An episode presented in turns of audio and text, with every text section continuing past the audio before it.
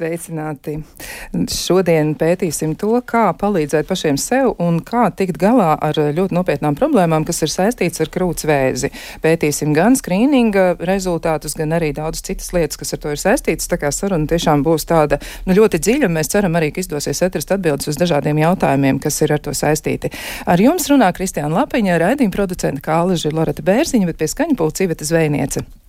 Bet pirms mēs ķeramies pie e, šodienas temata, nu, tāds zinātnisks atklājums, kas varbūt kādam jau ir zināms, bet e, es atradu, ka izrādās degvielu var veidot un radīt no salmiem, jo, kad labība ir novākt salmu, paliek pāri, ko tad ar tiem iesākt, ja mēs arī tā domājam, nu vai tad dedzināt vai ko citu. Bet izrādās Dānijas Tehniskās universitātes pētnieki piedāvā modernāku risinājumu no salmiem iegūt degvielu, un ja salmas šādi pārstrādāt visā pasaulē, tad katru gadu astoņas dienas varētu nedarbināt naftas ieguvas iekārtas, un naudas izteiksmē tie ir tieši 13 miljārdi ASV dolāru. Man liekas, tas nav tik viegli iztēloties tādu naudas summu, bet tomēr tas izklausās iespaidīgi. Bet nu gan pie mūsu šodienas temata. Uzreiz arī teikšu, ka studijā esam aicinājuši Latvijas onkoloģu ķīmijterapijas asociācijas valdes priekšsēdētāju Aiju Geriņu Bērziņu. Sveicināt! Labrīt! Un vēl pie mums ir arī šajā mirklī, jau tepat uz vietas, ir. Uh, Fizioterapeiti un arī cilvēks, kuram ir bijusi ļoti tieša un personiska saskare ar onkoloģisku procesu, un tā ir Ilva Siļeva. Sveicināti! Labrīt! Bet vēl šīs mirklis ir nu, tāds, ka mums tomēr ir jāparunājas arī par to, kā tad nu, tieši notiek ārstniecības pakalpojumu nodrošināšana un, un, un tieši krūtsvēža kontekstā, un tāpēc arī esam šajā mirklī sazvanījušies ar e, ārstniecības pakalpojumu departamentu veselības aprūpas pakalpojumu projektu vadītāju, tātad Nacionālais veselības dienests, un tā ir Jūlija Varapājeva. Sveicināti! Labrīt! Nu, lūk, tad eh, mūsu jautājums būs par to, tad, um, kādas ir skrīninga aktualitātes. Varbūt jūs varat arī mūs iepazīstināt ar tiem aktuāliem statistikas datiem.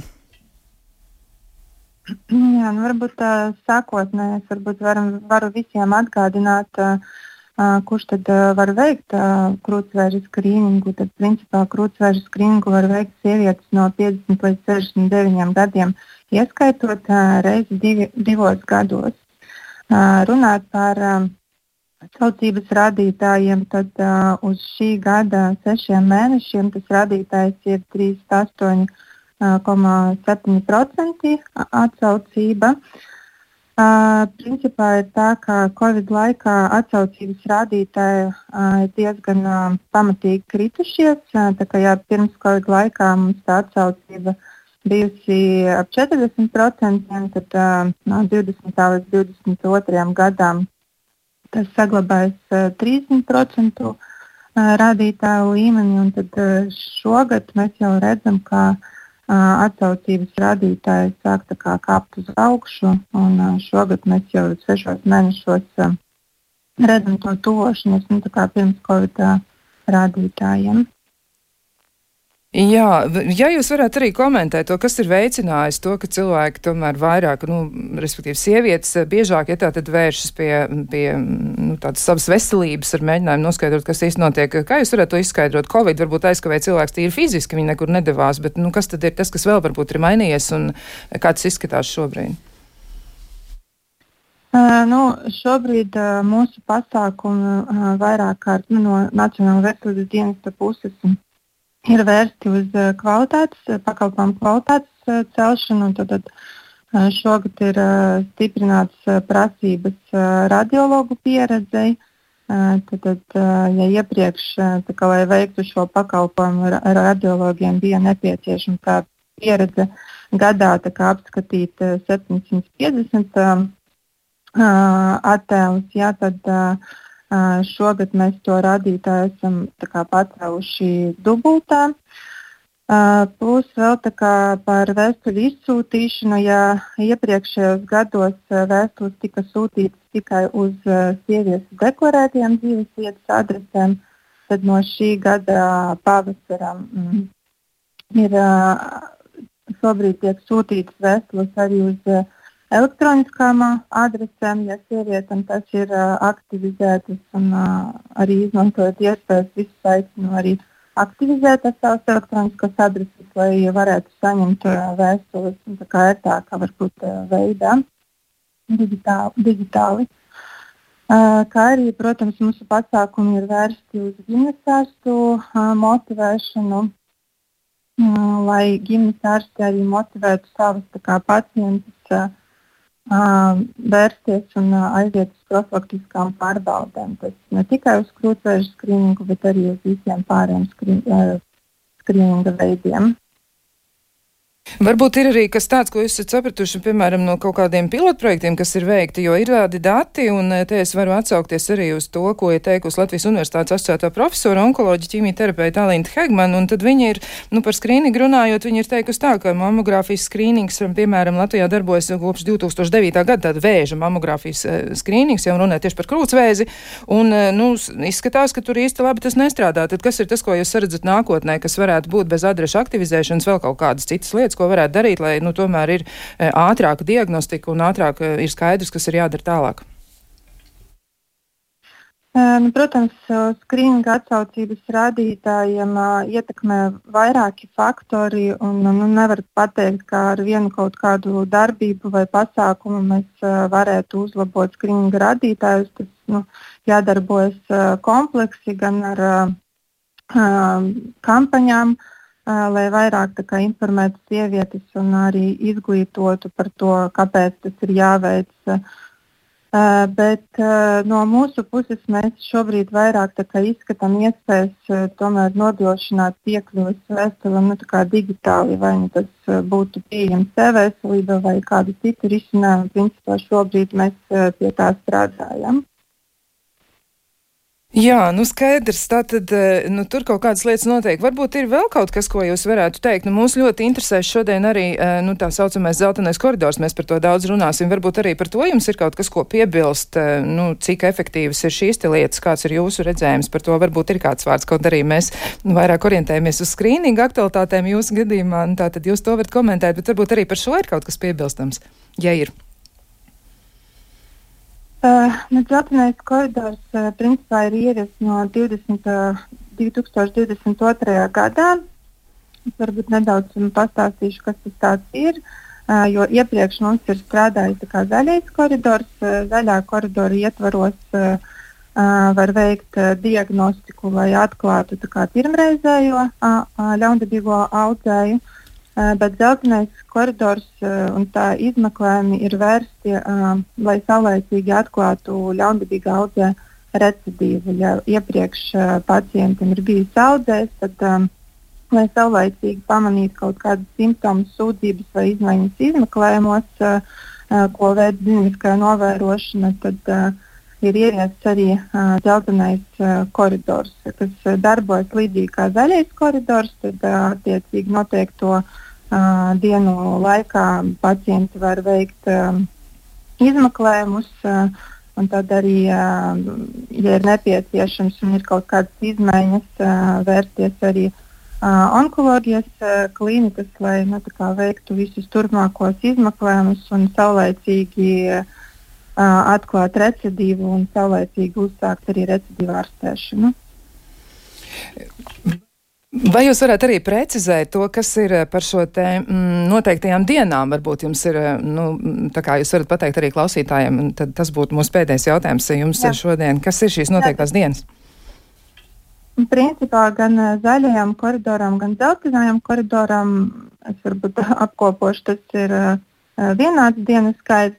Tie ģimenes ārsti pamana kaut kādas sūdzības uh, vai simptomus, vai arī apskates laikā ir, nu, ir novērojis kaut kādas izmaiņas, tad uh, primāri ģimenes ārsts var, uh, bet dzeltenā koridorā arī ārsts speciālists uh, var nosūtīt pacientu uz uh, nu, tādiem vienkāršākiem, varbūt sākumā izmeklējumiem, kā piemēram ultrasonogrāfija, mamogrāfija vai uh, kolonoskopija. Un, um, šos izmeklējumus sasniedzības iestādēm uh, ir jānodrošina desmit dienu laika no pieraksta brīža.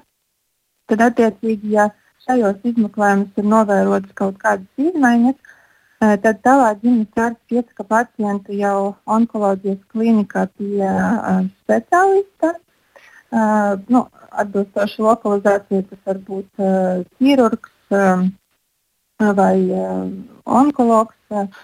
Uh, un tad uh, šo konsultāciju onkoloģijas klinikam arī jānodrošina pacientam desmit dienu laika no pieraksta brīža. Uh, un tad tālāk jau onkoloģijas klinika veids um, nu, teikt, sekundāros uh, izmeklējumus, kas viņiem jānodrošina viena mēneša laikā, līdz tad, tad pacients nonāk līdz koncīliem, kur tiek pieņemts lēmums par turpmāko terapijas taktiku. Skaidrs. Tā tad nu, mēs sapratām par tiem termiņiem, par tiem mēs noteikti arī parunāsim ar studijas viesiem. Paldies jums! Un šobrīd tātad atgādināšu, mēs runājām ar Nacionālā veselības dienesta ārstniecības pakalpojumu departamenta veselības aprūpas pakalpojumu projektu vadītāju Jūliju Varapājevu. Bet, nu, gan mēs vēršamies pie studijas viešņām, ja, un es vēlreiz arī atsaukšos uz to, kas ir iepriekš jau mums zināms arī un kas ir pateikts, un, un tiešām vēlreiz pieminēšu arī onkoloģis ķīmija Alīns Hegmans teikto, ja tātad Latvijas Universitātes asociētā profesora, un viņi ir arī Latvijas onkologa asociācijas valdes priekšsēdētāji. Un eh, man gribētu vēlreiz tiešām vērsties pie šī pērna ieviestā dzeltenā koridora, ja, ja nu jau sanāk 22. gads, un tad drīz jau, teiksim, pirms nepilniem diviem gadiem. Un tomēr eh, nu, viņa, ko saka, eh, viņa saka tā, ka no kolēģiem viņa dzird, ka dzeltenais koridors nu, tā nosacīti strādā, ja tā ir iespēja ātrāk izdarīt izmeklējums pacientiem, kam ir aizdoms, ka vēzis varbūt atgriezies, tātad recidīvs.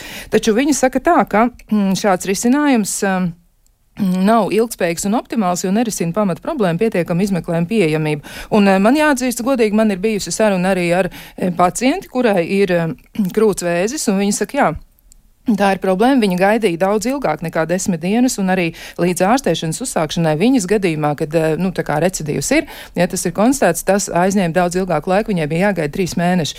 Laiks šajā gadījumā ir ārkārtīgi svarīgs. Ja? Vēzis negaida, viņš nestāvēs stūri un nesaka, nu, tagad es te tā pastāvēšu. Ja? Viņš vienkārši nāk pretī, cilvēks skatās uz sevis spoguli un saprot, ka lietas notiek, un tas nav labi. Tad kāds ir jūsu komentārs par to? Un, Kā šo situāciju varētu risināt? Nu, tad noteikti jums ir arī savas idejas par to. Varbūt sāksim tad ar, ar, ar, ar Āju Geriju Bērziņu un atgādāšu arī, ka Latvijas onkoloģu ķīmija terapijas asociācijas, asociācijas valdes priekšsādētāji ir pie mums. Un, nu, tad sakiet, ko jūs domājat par šo? Uh, nu, jāsaka tā, ka tāpatās kā skrīnings, uh, lai viņš veiksmīgi strādātu, kāpēc viņš it kā mums Latvijā ir, bet viņš nestrādā veiksmīgi, kā mums gribētos, kāpēc mēs nevaram sasniegt šo 75% vēlamo aptveri, uh, kurai būtu jābūt, uh, redziet, nepietiek jau kā tikai ar to, ka tāds skrīnings ir, bet ir vajadzīga tā skrīninga pārvaldība, ir vajadzīgs tas droši vien tas pacienta ceļš, tā datu uzkrāšana, tātad kādam ir jābūt saimniekam par šo skrīningu. Uh, un um, to mēs arī, arī redzam tagad. Tad ir droši vien, ka tam ir jāveido šie skrīningi vai nu centri, vai tam ir jābūt zem um, slimību kontrolas uh, centra apakšā statistikas daļas, kas kontrolē, kas izsūta šos te. Nepietiek jau tikai šīm elektroniskajām uzaicinājumiem, šim skrīningam. Ja? Um, ir vajadzīgs atkārtot, varbūt ir vajadzīga jauna sistēma. Nu, kāpēc, piemēram, veikals sūta savus atlaižu kuponus uz, uz e-pastiem, sūta uz, piemēram, telefoniem. Šim atgādinājumam jābūt arī tādā veidā, varbūt organizētam, kad, jā, sievietē šodien nav laika aiziet, bet viņa atnāk vēlreiz tas atgādinājums, es to neesmu izdarījusi. Jā, vai arī tajā sistēmā iekrīt, kad joprojām veselu gadu sarkanā gaismiņa mirgo, ka šī pacienta nav aizgājusi uztaisīt veiks mammogrāfiju. Ja. Tā kā viena lieta ir, eh, protams, šī eh, pacientu arī pašu atbildība, bet eh, jo mēs būs šīs rūpes par pacientu, jo mēs vairāk atgādināsim, tas būs vienlīdzības zīme ar pacientu atsaucību uz, uz skrīningu un arī šie rezultāti būs labāki. Runāt par dzelteno koridoru noteikti laba lieta, kas ir ieviesta, bet atkal šeit pietrūkst šis pats mehānisms, nav šīs pārvaldības. Un joprojām nav arī, es domāju, ļoti pietiekuši detalizēti šīs informācijas pie tiem pašiem ģimenes ārstiem, jo, lai kā arī mēs skatītos, ģimenes ārsts ir tas primārais punkts, pie kā vēršās pacients. Ja? Un uz dzelteno koridoru nevar pierakstīt uh, pacients pats sev. Tu pieraksti vai nu ģimenes ārsts vai speciālists. Ja? Tātad tie ir tā rinda domāt pacientiem, kuriem jau ir bijusi šī vēža diagnoze. Kāpēc šie pacienti nenonāk uh, tik raiti? Kā jau teicu, tas ir informācijas trūkums. Otrs, eh, tā ir darba organizācija katrā iestādē, kur šis dzeltenais koridors ir. Uh, ir ieviests. Ja es varu runāt tikai par stadiņu slimnīcu, tad mums ir onkologiem, ķīmijterapeitiem, arī speciālistiem iezīmēt šīs dzeltenās vietas. Katram doktoram ir iezīmēta šī dzeltenā vieta pieņemšanā katru nedēļu. Tā tad uh, tiem pacientiem, kam tā kā vajadzīgi šīs vietas arī aizpildās, un es teiktu, ka nu, mums šīs lietas ir vairāk vai mazāk sakārtotas. Trešā lieta ir arī šī kapacitāte. Uh, par to, ko mēs jau sākām celt šo trauksmi jau uh, agrāk, uh, bet tas aizvien vairāk aktualizējās. Nepietiek jau tikai ar šiem aparātiem. Nav cilvēku resursu, un to trūks aizvien vairāk. Nav speciālistu tik daudz, cik varētu apskatīt, apskatīt šos pacientus, jo mēs arī šo dzelteno koridoru novirzam uz universitātes slimnīcām. Viņas ir pārslogotas jau ar esošajiem pacientiem, viņas ir pārslogotas, un viņas arī nevar paņemt šos te varbūt tik daudz šos izmeklējumus, kas ir jaunie pacienti, un tad, tad tas ir jānovirz tomēr uz, uz, uz citām, citām iestādēm, jā, lai veiktu šo izmeklējumu. Tā kā tur ir vairāki faktori, un tas, ka nav pieejams nevis tāpēc, ka doktors bet, um, negribētu, bet tāpēc, ka šī kapacitāte tik, cik ir, mēs varam uh, izdarīt tik, cik mēs varam, jā, jo uh, lielākā daļa tomēr mediķi mēs jau strādājam ar pārslodzi. Mēs parunāsim ar jebkuru iestādi, kas strādā onkoloģijā, jā, uh, jo arī taisot mamogrāfiju, tur nepietiek ar vienu ārstu šo te jābūt šim četru ārstu principam. Tā tad ir jānodrošina uz vienu šo izmeklējumu divu speciālistu šīs klātbūtni. Jā.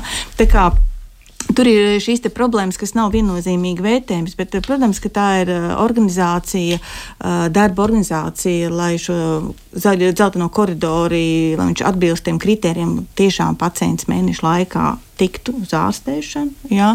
Un, un otrs, protams, ir šie cilvēku resursi, ko mēs jau jūtam, ka mums pietrūkst. Jā, bet kāds ir izcinājums, jūs prāt, kā to varētu atrisināt? Nu, ko mēs varam? Mēs nevaram uzreiz, nu, čakli sagatavot, ja seši gadi mācās pamatstudijas, pēc tam vēl rezidentūra, vēl vis kaut kas, nu, tā kā uzreiz dabūt gatavs dakteris, mums nākamajā rītā neizdosies. Tad kā jūs saskatāt risinājumu? Jo tā nav, nu, tāda, nu, tiešām, es pat nezinu, vai to var nosaukt par normālu vai nenormālu situāciju. Tā nedrīkstētu būt. Ja cilvēks saka, viņam jāgaida ir uz, eh, nu, tā kā ārstēšana, ja recidīvu gadījumā viņam jāgaida trīs mēneši, tas ir, nu, prātam, neaptverami. Nu, es teikšu tā, ka tas, ko mēs redzam arī uh, savos rezidentos, jā, viņi mācās, bet viņi pabeidz un ir savs procents uh, 25, kas aiziet projām, 30 vai aizbrauc projām uz ārzemēm, un kas nenāk strādāt. Un vēl jau viena lieta ir, ka nav jau arī šo papildus slodžu šajos stacionāros. Eh, tā tad it kā ir speciālists, eh, bet viņam eh, nu, netiek piedāvāta šī darba slodze. Tātad vienkārši viņam nav vieta, slimnīcai nav naudas, par ko viņu algot šo speciālistu. Vienkārši runājot. Ja?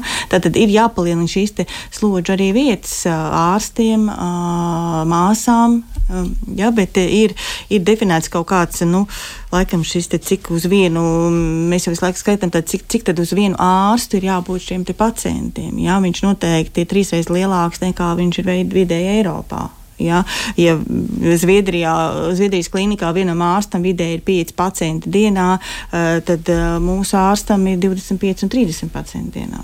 Jā, nu, būtu labi, ka medicīnas birokrāti šitos atdzirdētu, jā, jo ir tā, ka pēc Eiropas pētījuma datiem, ja ir pierādīta izteikta korelācija starp medikamentu pieejamību, piemēram, jā, tā tad viens no faktoriem un dzīvības rādītājiem onkoloģiskiem pacientiem, un saskaņā ar vadlīnijām tādas jaunas, efektīvākas ārstēšanas metodas ievērojami uzlabo krūts vēža pacientu klīniskos iznākumus, un kaut arī krūts vēža pacientu ārstēšanas iespējas Latvijā ir ievērojami uzlabojušās, jau kopš zinām laika, tomēr Latvijā šī dzīvības ir par 12% zemāk nekā vidē Eiropas Savienības valstīs. Tas nozīmē, ka Latvijas sievietēm iespēja nodzīvot šos piecus gadus jā, ir par 12% mazāk nekā tas būtu vidēji Eiropas Savienības pacientiem. Šī nav laba ziņa par mums pašiem. Tad varbūt arī no pacienta puses eh, ir nu, tāds komentārs, jā, vai vismaz no cilvēku puses, kas eh, nu, ar šo ir saistījušies tā ļoti cieši. Diemžēl ir tāda pieredze bijusi. Nu, tad eh, kāds ir jūsu komentārs? Un šo jautājumu es uzdod Ievai Vasiljevai. Ko jūs par to domājat? Jo nu, nav labi. Mm -hmm. Jā, nu, es varu izstāstīt savu pieredzi, kā man bija, kad es pati sataustīju krūtī bumbuli. Tad es arī meklēju, protams, kur var uztaisīt ultrasonogrāfiju. Un es pat arī zvanīju uz uh, tām vietām, kur es zinu. Un uh, bija man jāgaida. Man uh, teica, zvaniet pēc mēneša, tad atvērsies pieraksts uz nākošo mēnesi. Un tas es sapratu, man um, būtu jāgaida divi mēneši rindā. Un es sapratu, nu, ka tas neder. Nu, tā, tad es um, atklāju, ka um, slimnīcā, kur es strādāju, Liepājā, ir krūts kabinets. Es vērsos tur, un tad jau uh, izstāstot savus sūdzības, es tiku ātri un tiešām um, es iekļuvu tajā zaļajā koridorā, un es ļoti novērtēju, cik tas bija efektīvi un labi strādāja. Jo nepilnu mēnešu laikā jau man uzsāka ārstēšana, un bija operācija, un, un viss bija kārtībā. Bet, um, nu, ja, ja pēc pirmajiem izmeklējumiem man bija aizdoms, ka man ir nultā stadija krūts vēzim, tad um, pēc operācijas, pēc tā nepilna mēneša, man jau uzrādīja, ka man ir trešā A stadija.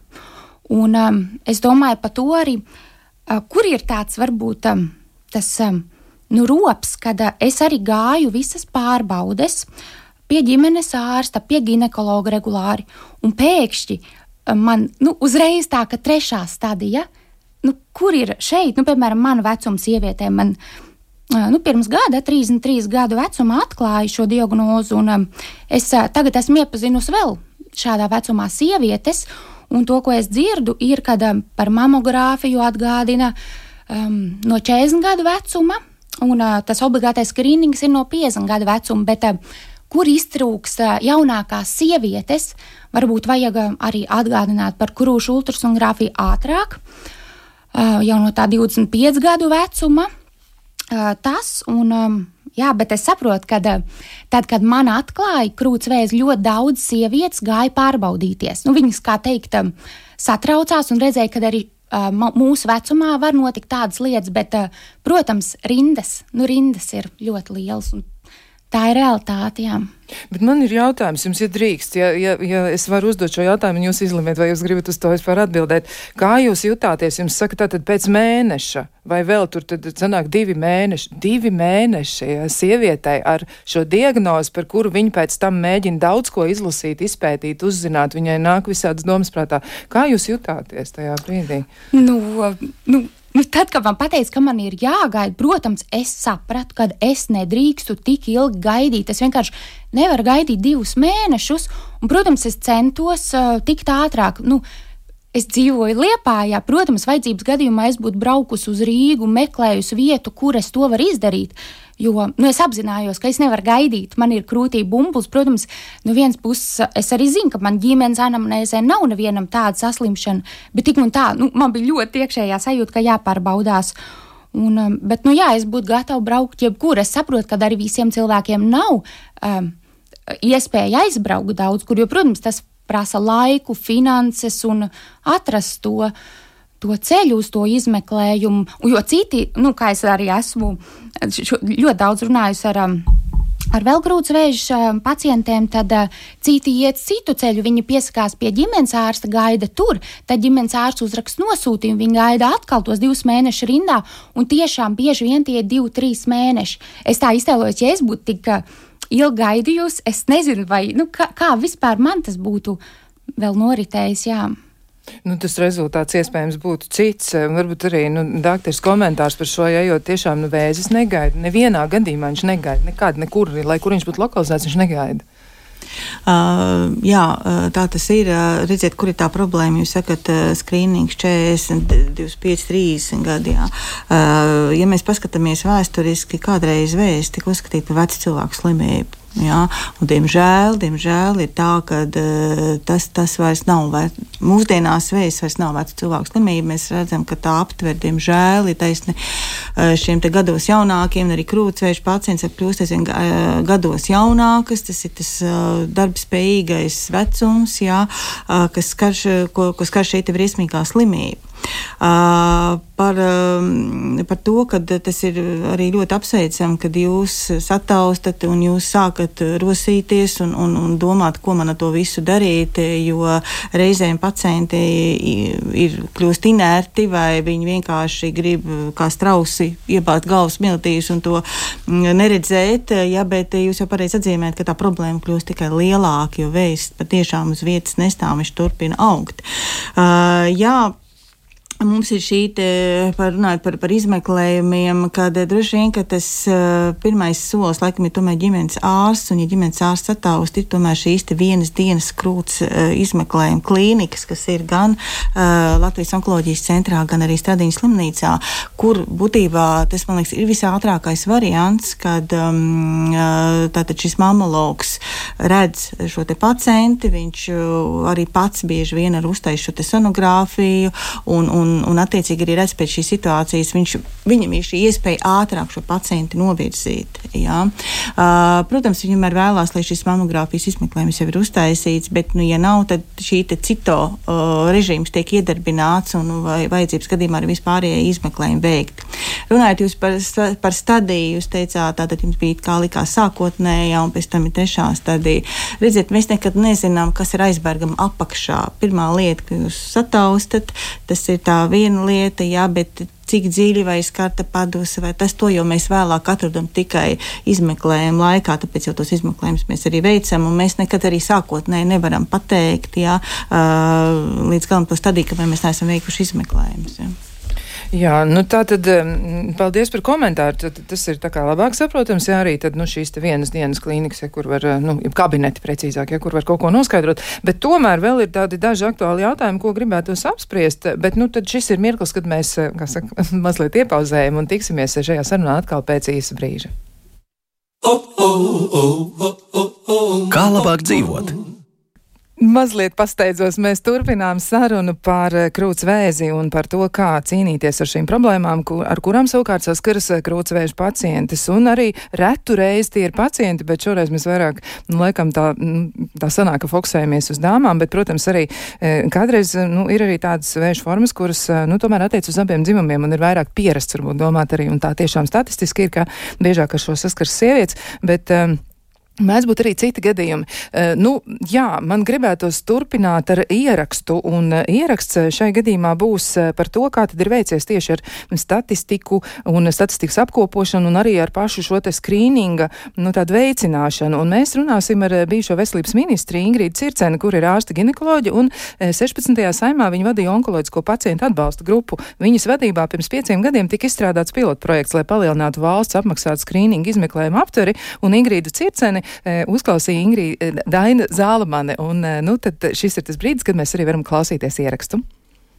Saimnes deputāte Ingrīda Circene stāsta, ka pilotprojektā iesaistītajām vecmātēm bija jāsazinās ar katru sievieti, kas saņēmusi aicinājumu uz valsts apmaksātu skrīningu. Tā kā es esmu visu mūžu strādājusi ginekoloģijā, tad man ir pilnīgi skaidra sistēma, kādā veidā panākt, lai sievietes eh, tiktu apskatītas attiecīgā skrīninga apjomā. Pilots projekta būtība balstās uz vecmātes darbu. Vecmātei ir savs aprīkots kabinets un dators. Līdz ar to viņa var izmantot visas vēstules, kuras sievietes ir uzaicinātas uz valsts apmaksāto onkoskrīningu, kas bija saistībā ar krūts vēzi mamogrāfiju. Tas bija no 50 līdz 69 gadu vecumā, kas ir valsts apmaksātais skrīnings. Bet mēs arī esam teikuši, ja ir kaut mazākās sūdzības vai taustot kāds mazākais aizdomīgs veidojums, tad sūta uz mamogrāfiju arī ģimenes ārsts no 40 gadu vecuma vai arī ginekologs, un tad arī valsts to apmaksā. Un savukārt uh, uz zemes kakla skrīningi no 25 gadu vecuma, bet tagad mainīsies no 3 uz 5 gadi, jo primāri noteiks cilvēku papilomu vīrusu. Vecmāte uzaicina telefoniski visas šīs sievietes, viņa individualizēti, personificēti runā ar katru šo sievieti, izskaidro, kādēļ viņai ir jānāk, un arī ieraksta uzreiz elektroniskajā reģistratūrā laiku, kad viņa nāks. Tad, kad viņa ir atnākusi, viņai nav jāmaksā nekas, jo tas ir valsts apmaksāts skrīnings, un viņai nav jāgaida rindās, jo viņa tieši savā laikā arī saņem pakalpojumu šī vecmāte arī seko līdzi rezultātiem. Un, ja rezultātos ir kādas izmaiņas, tad viņa arī pieraksta uzreiz pie vai nu ginekologa, vai ģimenes ārsta, vai nu kāda cita speciālista. Un tādā veidā tika panākta aptvere starp 80 un pār pa 100 procentiem. Un līdz ar to gan Veselības ministrija, gan Nacionālais veselības dienests atzina, ka šāda sistēma ir ļoti laba. Līdz ar to tika izveidotas arī manipulācijas vecmātēm, un viņas tagad ir oficiāli tiesīgas veikt šādas apskatus un arī līdzīgu pēc šī individuālā zvana metodas veids arī šogad talsos aicinājumu uz mamogrāfiju, kur panāca, ka tika aptvere palielināt līdz 124%, kas apstiprina, ka vienalga vai to veids Rīgā vai reģionā, tas ļoti labi strādā.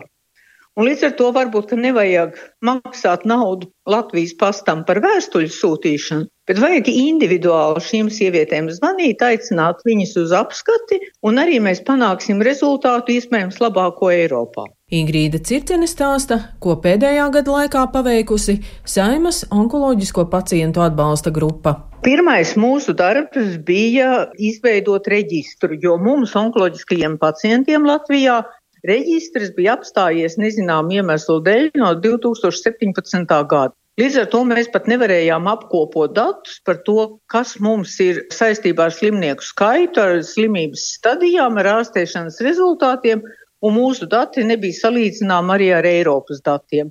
Nu, pēc tā, ko ir teicis Nacionālais veselības dienests un veselības ministrija, tad tagad mums tas reģistrs ir principā izveidots, Un patreiz uh, Gaļasdara slimnīca strādā ar esošo datu ievadi, jo mums tā kā tā reģistra nebija, tad ir jāievada ļoti daudz dati.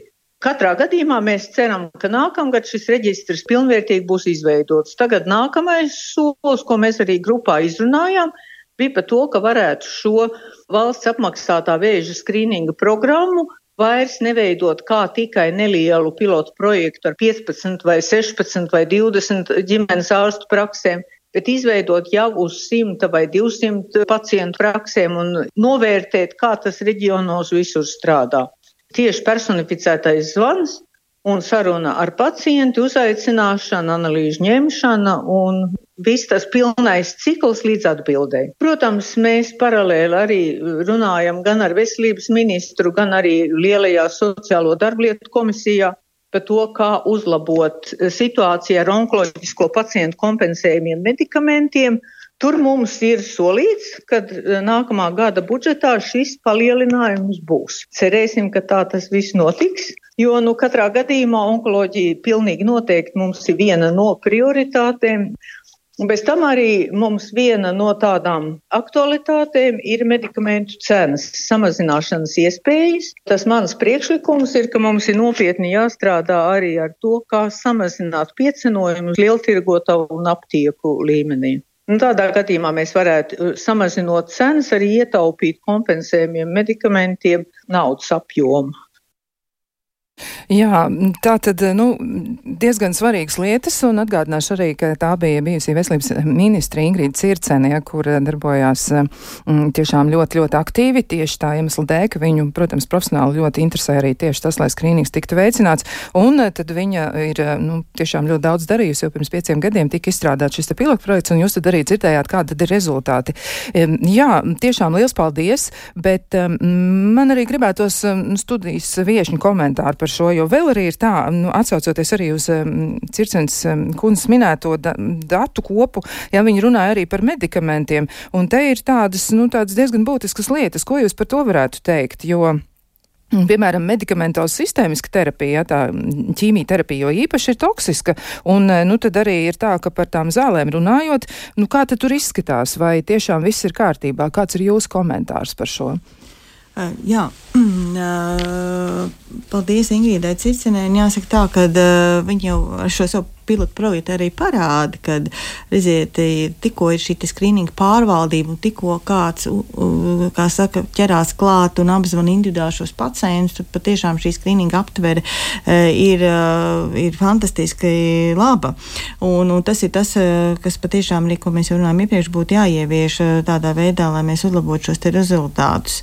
Uh, komentējot par vēža reģistru, uh, es neesmu tik droši, ka šis vēža reģistrs uh, tik veiksmīgi ir sakārtots un strādā. Tas, ka tie dati tiek joprojām ievadīti, un arī no 17. gada datu jau ievada notiek. Nav tā, ka kaut kādu brīdi šie dati pārstāt ievadīti, jo Bet, bet jautājums ir par šo veiksmīgo vē, datu ievadi, jo, diemžēl, šie dati tiek ievadīti joprojām manuāli mūsdienu gadsimtā. Jā, un mēs mēģinam dažādi rast šos risinājumus, kā nodrošināt šo datu gan automātisko m, ielasīšanos, gan šo te mums ir viena liela problēma, par ko mēs varētu stundām runāt par šo IT sistēmu nesavienojumību, ka katrs ir ļoti sadrumstalot šīs datu bāzes un tā tālāk. Tā kā tur ir jārisina šīs problēmas, kas joprojām nav nav atrisināts, un, godīgi runājot, pie šiem datiem netiek ne mēs ārsti, ne arī pacienti klāt. Līdz ar to mēs galu galā nezinām, cik mums ir šo vēža pacientu, un mēs nezinām, kā mēs ārstējam, kāda mums ir mirstība, kāda mums ir piecu gadu dzīvības, kāda mums ir gada dzīvības un tā tālāk. Runājot par zālēm, jā, pašreiz ir diemžēl tā situācija izveidojusies eh, Latvijā, ka zālēm mums ir vislielākais PVN, tie 12%, ja salīdzina ar Baltijas valstīm, Igauniju, Lietuvu, kur ir 5-7%. Un es saprotu, ka šim jautājumam ir pieķēries jaunais veselības ministrs Sapu Merīkungs, kas kā, nu, ir izvirzījis vienu no prioritātēm risināt šo jautājumu, lai samazinātu šīs šīs cenu izmaksas. Runājot par medikamentiem, nevienu vēža pacients, neviena krūtsvēža paciente nav atstāta novārtā un netiek ārstēta. Tātad, jebkādā, jebkurā gadījumā terapija, ķīmijterapija, hormonu terapija tiek saņemta uh, viennozīmīgi. Uh, jāsaka tā, ka jūs sakat toksiska veca terapija, ko arī pacienti saka, nu kāpēc man dod šo te ķīmijterapiju, šos te sarkano vai zaļo vai kādu to medikamentu medikamentu. Ja? Bet eh, saprotiet, šī te terapijas taktika, arī šī ķīmijterapija ir ierakstīta vadlīnijās, un viņi izmanto arī joprojām kā pirmo līniju, sākot ārstēties jebkurā pasaules valstī, jo ir pierādīta šī konkrēto medikamentu efektivitāte. Medikamenti, ķīmija medikamenti ir tūkstošiem varētu teikt, jā, nāk arī jaunie inovatīvie medikamenti klāt. Bet joprojām tātad šī te parastā terapija, nevis parastā, bet ķīmijterapija un hormonterapija nav zaudējusi šo savu nozīmi. Mēs vienkārši tagad jau ļoti labi esam izpētījuši, labāk esam izpētījuši krūts vēzi, mēs viņu iedalām četros un piecos apakštipos, un mēs zinām, ka katram konkrētam apakštipam strādā sava medikamentu terapija. Tā skaitā arī Ja mēs esam atklājuši, ka, piemēram, vienam no audzējiem ir kaut kāda mutācija, klātbūtne, tās ir BC mutācijas, tur atkal ir. Tas nozīmē, ka mums ir pretī cits jau medikaments, kas ir inovatīvs, kas taisnīgi jau vairāk strādā uz šo te mutāciju. Ja? Tā kā šīs te terapiju um, indikācijas vajadzības, tāpēc jau arī tie ārsti mācās, un, un, un viņiem vēl jau vairāk onkologiem ķīmijterapija nemitīgi jāmācās, jo šīs te mm, vadlīnijas gandrīz vai pārrakstās katru gadu. Jā. Uh, jā, tad, tu, kur ir problēma Latvijā? Varbūt problēma Latvijā ir šī, te, ka mums nav fleksibla šo jauno medikamentu ienākšana uh, ārstēšanā. Jā, uh, jo šie jaunie medikamenti stāv gaidīšanas rindā trīs piecus gadus, kad viņš jau praktiski pēc vadlīnijām ir novecojis, ka viņa vietā jau nāk cits medikaments. Uh, otrām kārtām, diemžēl, medikamentu iekļaušanu diktē uh, farmācijas kompānijas. Ja? To nediktē ārsti, eh, kā tas būtu normāli, kā tas ir citās Eiropas valstīs. Ja Austrijā uh, ārsts pasaka, uh, NVD, kad man vajadzīgs ir šāds medikaments pacientam, jo tikko vadlīnijās ir iekritis, ka šis ir visefektīvākais dotā brīdī, un tas, kas bija pagājuši gadu, ka tas tomēr viņam nav tik labi rezultāti, jaunajiem ir piemēram pa 5% labāk rezultāti, tad arī nu, šim medikamentam būtu jābūt. Jā, jo mēs zinām, ka tas mums uzlabo jaunā inovatīvā terapija, patiešām dod šo dzīvības pieaugumu ļoti būtisku. Jā, un vējs vairs nav fatāls, bet hroniska slimība, un pat var izārstēt viņu. Jā. Kas traucē tad Latvijai rīkoties tāpat kā Austrijai?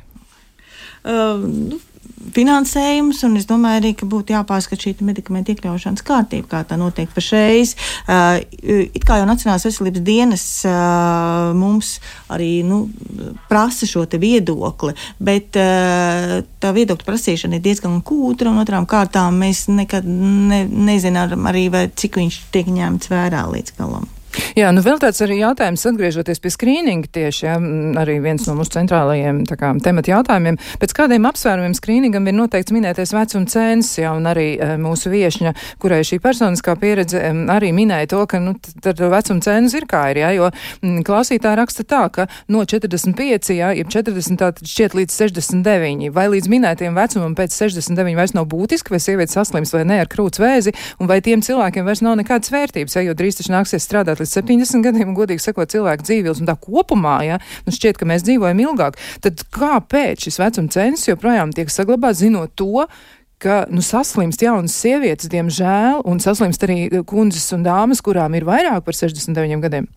Šeit ir viena, viena atbilde. Šis jautājums, starp citu, ir diezgan populārs studentiem kad mēs prasām, kāpēc, kāpēc mammogrāfijas klīnijas patiešām pēc 70 vairs nav, kas viņus bieži vien apmulsina. Nu, šeit tikai viena atbilde ir - nav finansējuma. Šī atbilde, man liekas, ir tāda, kas droši vien nu, iesver milzīgas dusmas ja, visos pacientos un, un viņa ģimenes locekļos, un iespējams arī lielā daļā ārstu. Ja, nu, tad eh, varbūt šis ir brīdis, kad tiešām veselības birokrāti vai veselības eh, aprūpas sistēmas birokrāti sadzirdēs to, ko mēs sakām, jo tas ir svarīgi. Mēs eh, no nu, šāda veida attieksmi iespējams izpostam pašu savu nākotni, ja mēs neko nemainām, ja, ja mēs to visi zinām, bet nekas netiek darīts. Un pie birokrātijas tas iesprūst, jo es vēl sapratu, tas iesprūst kaut kur citur, ja, bet tas iesprūst tieši, tieši pie birokrātijas. Jā, nu vēl arī. Mm, komentārs jā, par to, mm, nu, tāds vai nav pienācis laiks eh, atvērt vēl vienā Latvijā esošā slimnīcā pilnu onko ārstēšanu, ja kā stradiņos un gaļzarā ar ārstiem ķīmijterapija, starp terapija, ja pacients skaits tā pieaug, jo kāda jēga ir no zaļiem, dzelteniem koridoriem, ja pacients mēnešiem nekur nevar pierakstīties pie speciālistiem un arī uz diagnostiku, ja, un piemēram arī, nu, tā situācija, ko paši ārsti ir noteikuši, ka ir jābūt kontrolē pēc tik un tik ilga laika, ja, un piedāvām arī ārstēšanas uzsākšanai, gan pirmreizē, gan arī recidīvu gadījumā ir jābūt noteiktā termiņā, jo tiešām mēs jau par to runājam, vēzis negaida.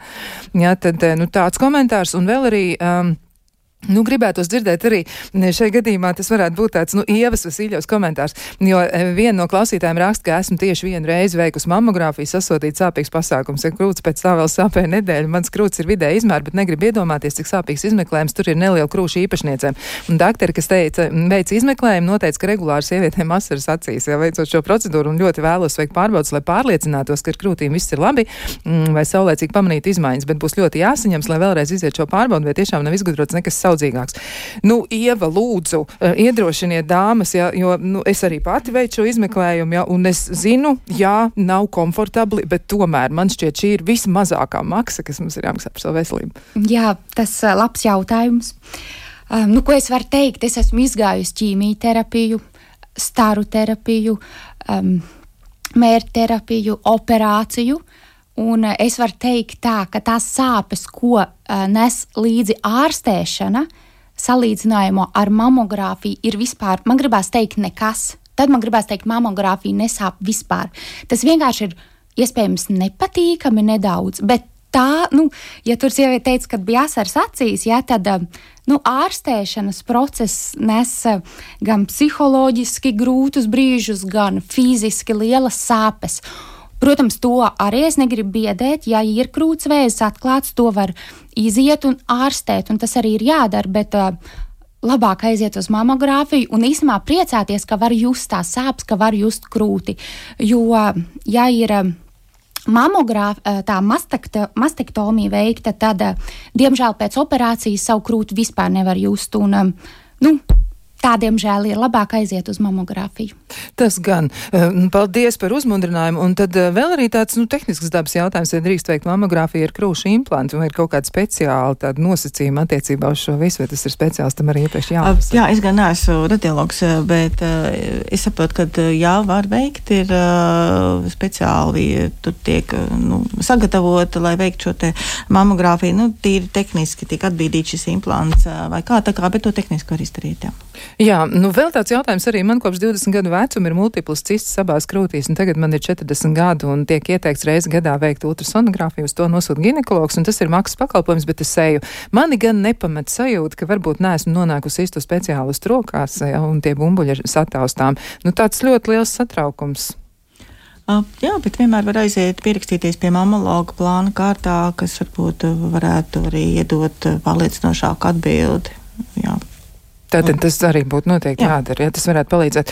Un vēl tāds jautājums visticamāk Ievai, nu, ka, no, no kādas klausītājas, e, viņi jautā par to, vai e, jūs esat kaut kā arī mainījusi uzturu, varbūt jūs esat kaut ko ar to darījis, vai ir arī daudz pieņēmumu, ja par krūts vēzi, tur ir daudz arī tādas idejas, ja par to, kā to varētu novērst, mazināt, nezinu, šos riskus un tā tālāk, un arī kā, kā cīnīties ar to, tad, kad jau ir, nu, skaidrs, ka tur ir kaut kas nopietns jādara. Mm -hmm. Um, nu, tieši par uzturu es esmu arī visu kaut ko izmēģinājusi, bet tas, ko es tā pamatā esmu pamainījusi, es ļoti stipri piedom, piedomāju, lai manā uzturā būtu vairāk olbaltumvielas un arī labie tauki, jo ārstēšanās procesā tas um, tiešām ir uh, ļoti noderīgi. Un uh, es gribu teikt, uzturs ir ļoti svarīgs, bet nu, pat es teiktu, pirmkārt, uh, blakus visai ārstēšanai ļoti svarīgs ir mērķiecīgas fiziskās aktivitātes, kas ir obligāti jādara, un tās ir, ir medikamentozā ārstēšana, ķīmijterapija, tas viss, bet tieši tāpat arī vadlīnijās ir iekļautas fiziskās aktivitātes. Un to es novēlu visiem um, pacientiem, kas saskarās ar onkoloģiju, darīt, un uh, jau darīt vispār visiem cilvēkiem, jo um, tas, um, nu, daudz cilvēku nesasniedz pietiekamo fizisko aktivitāšu līmeni. Jā, tas ir viens no profilakses Jā. virzieniem. Droši vien vispār dzīvē, Jā. ne tikai runājot par krūtsvēzi, bet arī Jā. vispār par to. Es atļaušos piekomentēt tieši tā par fiziskām aktivitātēm, jo tas uzlabo asinsritu, uzlabo ārstēšanu un biopieejamību medikamentiem, un arī kā antidepresanti strādā par uzturu piekrītu, bet vadlīnijās ir ierakstīts, tas ir svarīgi, sekot līdz ķermeņa masas indeksam, jo ir pierādīts, ka aptaukošanās visādi sarežģīti tur bioķīmiski procesi, jā, ir arī viens no iemesliem arī krūts vēzim. Līdz ar to, jā, nav varbūt tur raksta par šīm cukuru lietām un tā tālāk, tik daudz tas nespēlē lomu, bet tieši turēt šo ķermeņa masas indeksu normas robežās. Tas ir svarīgi.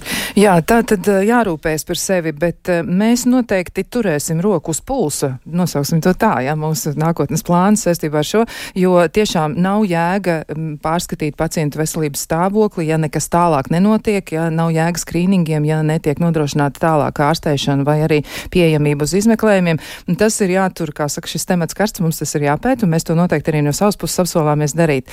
Un, um, jā, nu dosimies arī, tad, kā saka, uz uz priekšu katrs savā dzīvē, e, cerībā, ka tiešām izdosies arī lietas būtiski mainīt. Šai mirklī teikšu paldies Latvijas onkologu ķīmijterapeitu asociācijas valdes priekšsādātājai Aijai Geriņai Bērziņai un arī fizioterapeitei Ievai Vasiljevai, e, kurai arī ir personiska pieredze ar šo te visu. Tā kā paldies arī par jūsu pacientu stāstu.